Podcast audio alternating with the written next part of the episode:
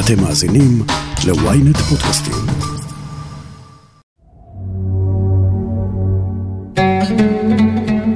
בשבוע שעבר בבית המעצר ניצן, מת בתאו שייח' עדר עדנאן, פעיל מרכזי בג'יהאד האיסלאמי, לאחר ששבת רעב במשך 86 ימים.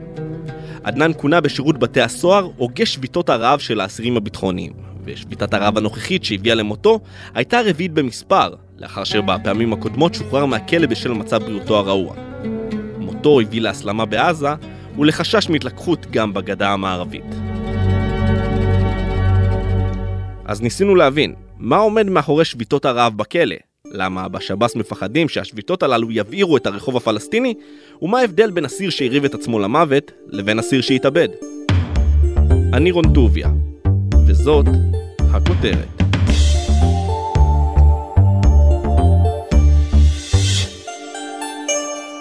למעשה הכלי של שביתת הרעב זו מחאה שהיא בלתי אלימה. זה לא חייב להיות גם אה, רק בכלא, ראינו שביתות רעב מול הממסד, מול משרדי ממשלה, מול אה, עיריות, כשאנשים לא מקבלים משהו מסוים, הם רוצים להפעיל לחץ, הם רוצים לייצר אה, הד ציבורי. זה מאיר תורג'מן, כתב הפלילים של ynet וידיעות אחרונות. הוא מסביר לנו ששביתות הרעב של האסירים הביטחוניים הן בסך הכל עוד כלי במלחמה נגד ישראל. האסירים הביטחוניים קוראים לזה כלי או כלי המלחמה או נשק הקיבה הריקה. יש להם איזה איום אולטימטיבי, שאם לא תיתנו לנו א', ב', ג', ד' מבחינת התנאים, אנחנו נפתח בשביתת רעב. וזו הייתה משוואה שלמעשה תמיד איימה והלכה, איזה, יצרה איזה סוג של דמוניזציה כלפי השב"ס, כולם פחדו מזה. וזה לא רק השב"ס, פחדו מזה כוחות הביטחון שלנו, שב"כ, צה"ל, ממשלה. תמיד הייתה תחושה ששביתת רעב בכלא משליכה למה שקורה מחוץ לבתי הכלא, על הרחוב הפלסטיני.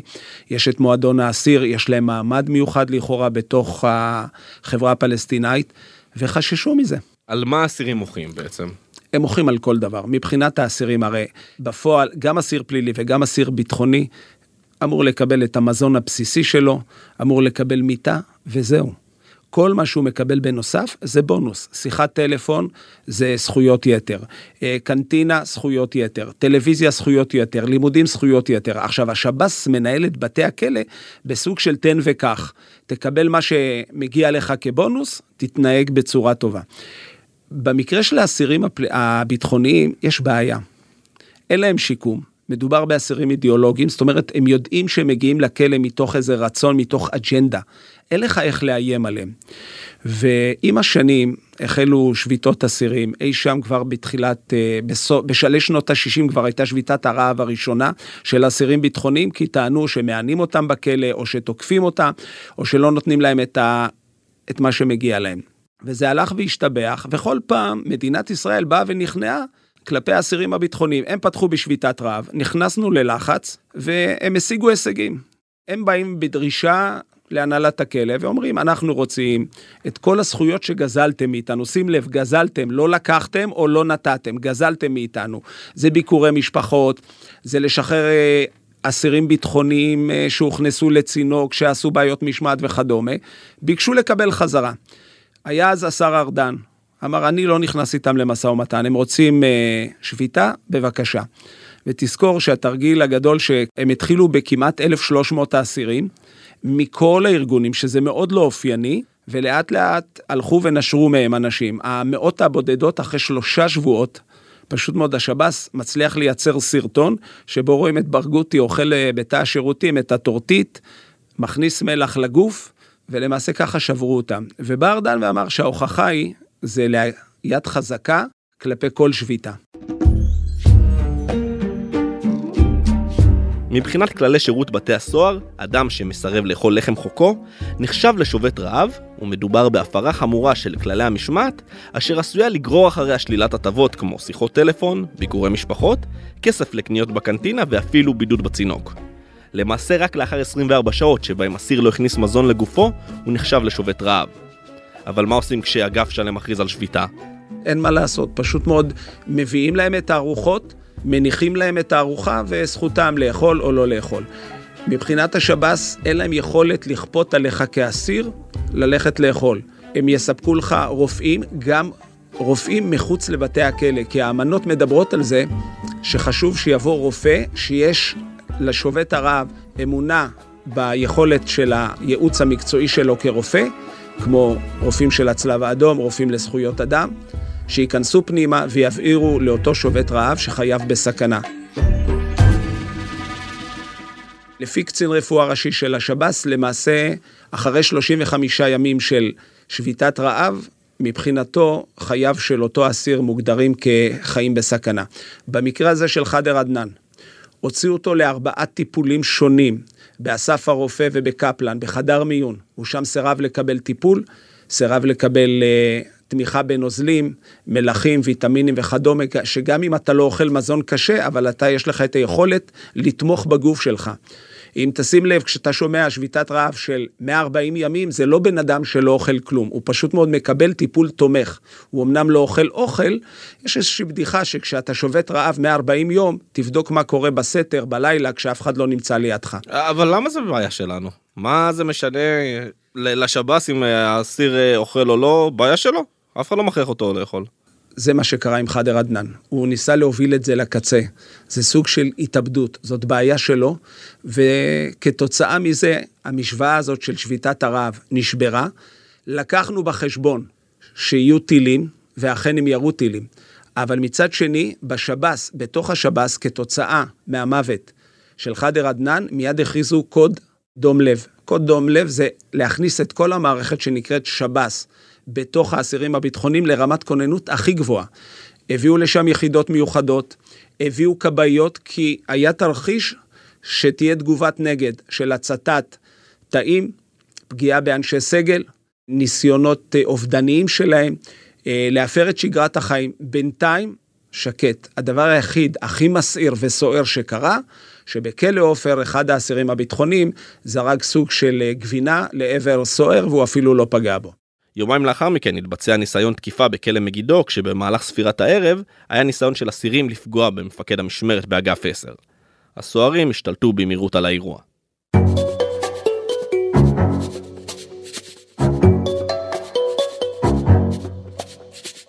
אז מה ההבדל בין המשך כלשהו יחליט לקחת את חייו בידו ולהתאבד בכלא? גם נקבל את אותה תוצאה?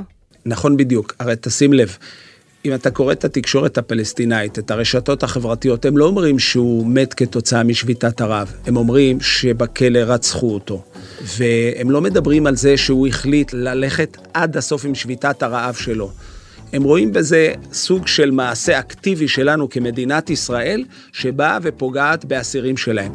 בינתיים זה לא הבעיר לא את איו"ש ולא את עזה. נכון, היו טילים בתוך הכלא. לא הייתה תגובה מצד האסירים הביטחוניים, למרות שלקחו בחשבון תרחיש בהערכה שלפחות אסירי הג'יהאד האיסלאמי, שהם חבריו של חאדר עדנאן, יגיבו. בינתיים הכל שקט. דרך אגב, הם לא נחים על זרי הדפנה, הם ממשיכים להיות בכוננות, לפחות בשבוע-שבועיים הקרובים, כי אסירים של ג'יהאד איסלאמי הם יכולים להפתיע, הם יכולים לתת תגובה בעוד חודש ובעוד חודשיים, כשאתה לא תשייך אותה לחאדר עדנאן. יש לך במדינת ישראל בכלל כמעט 5,000 אסירים פלסטינאים, כמה מאות הם מהג'יהאד האסלאמי. בקרב כל האסירים הביטחוניים הם נחשבים הקבוצה הכי הומוגנית, הכי סגורה, עם יכולת של שליטה ופיקוד, ואף אחד לא סוטה ימינה או שמאלה מההוראות של ההנהגה בתוך הכלא ומחוץ לכלא. אז איך הרחוב הפלסטיני מקבל את שביתות הרעב? והאם מדובר בסך הכל באיומי סרק? הודעה קצרה, ומיד נמשיך עם הכותרת. בזמן שאתם שואבים אבק, סיימתם עוד שני פרקים בספר.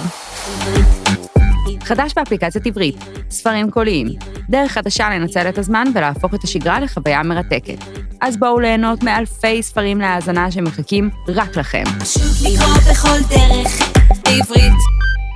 הורידו עכשיו את אפליקציית עברית ללא עלות ותהנו מספר קולי ראשון מתנה.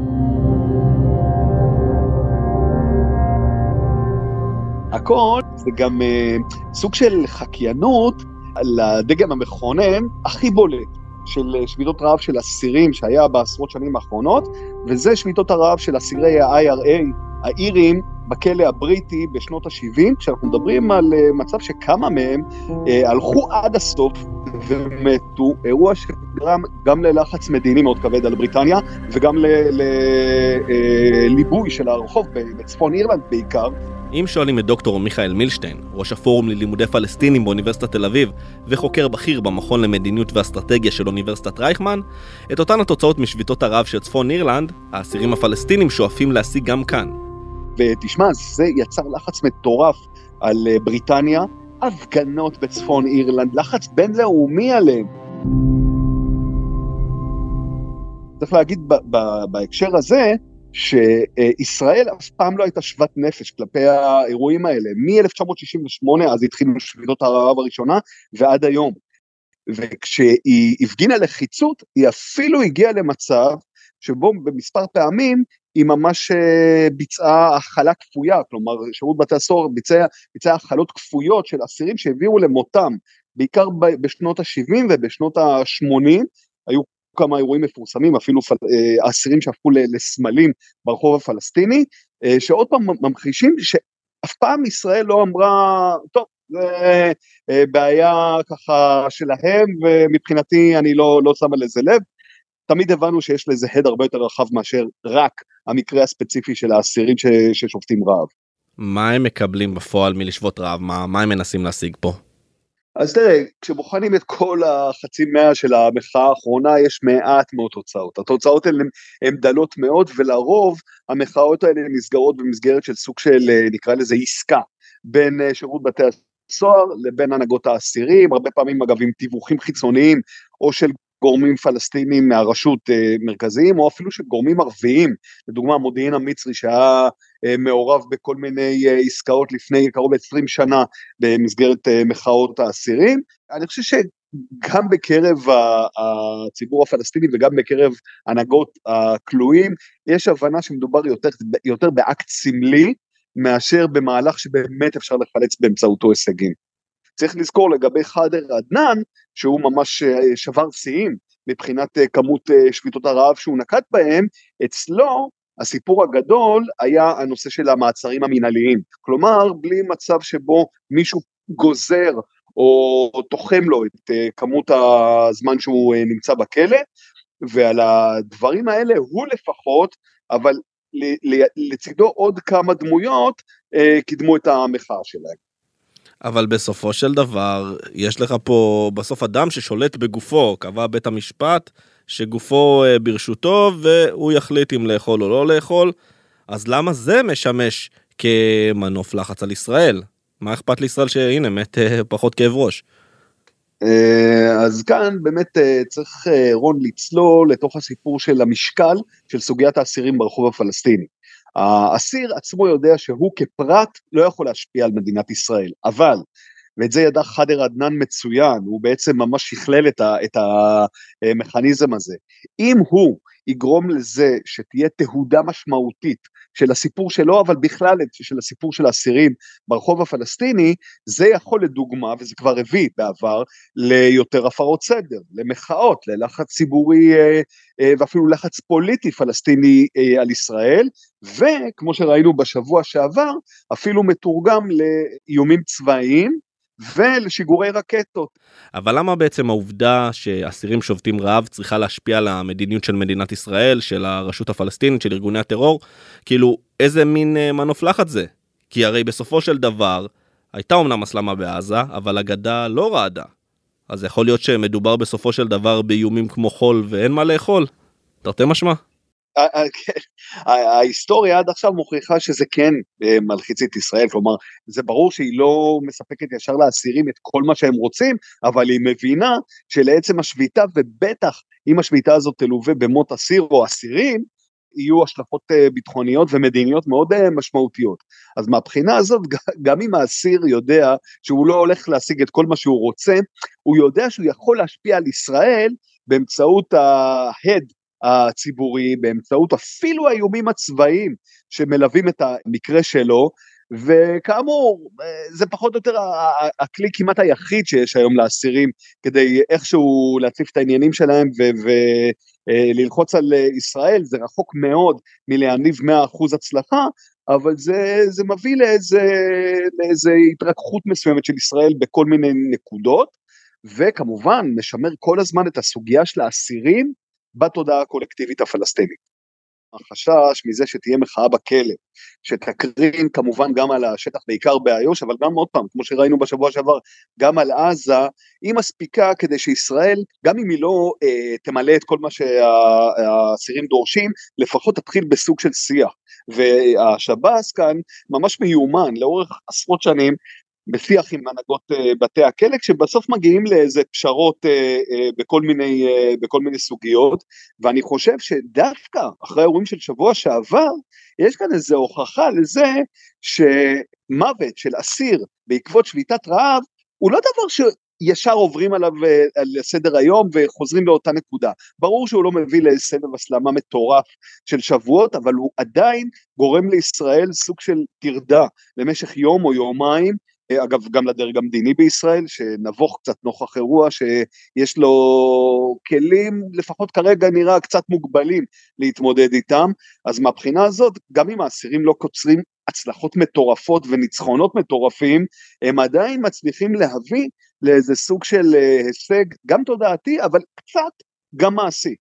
דוקטור מיכאל מילשטיין, תודה רבה. תודה לך, אהרון.